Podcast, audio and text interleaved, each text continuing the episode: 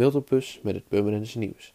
Historicus John Besseling verzorgt op zaterdag 18 mei van 2 tot 4 uur 's middags in het Purmerends Museum op de Kaasmarkt een lezing over Purmerend en de 80-jarige oorlog. De toegang bedraagt 10 euro.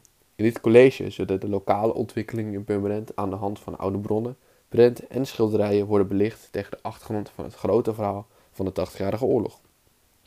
Aanmelden kan via info.purmerendsmuseum.nl Dinsdag 21 mei om 8 uur s avonds komt de Oud-Londen correspondent Peter Brussen bij boekhandel Het Leesteken Purmerend vertellen over zijn pas verschenen boek Ach Engeland. In het licht van de brexit maakt Brussen de balans op. Brussen komt vertellen over zijn boek en ongetwijfeld komen vragen vanuit het publiek over het boek, over Engeland en over de brexit.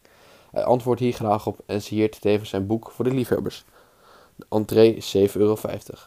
Aanmelden voor de boeklezing kan via info.leesteken.nl De activiteitenbegeleiding van Zorgcirkel Nova Weren houdt van maandag 20 tot en met donderdag 24 mei de avondrolstof voor haar cliënten.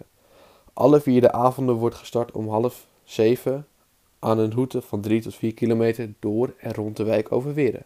Voor dit evenement is veel vrijwillige hulp nodig.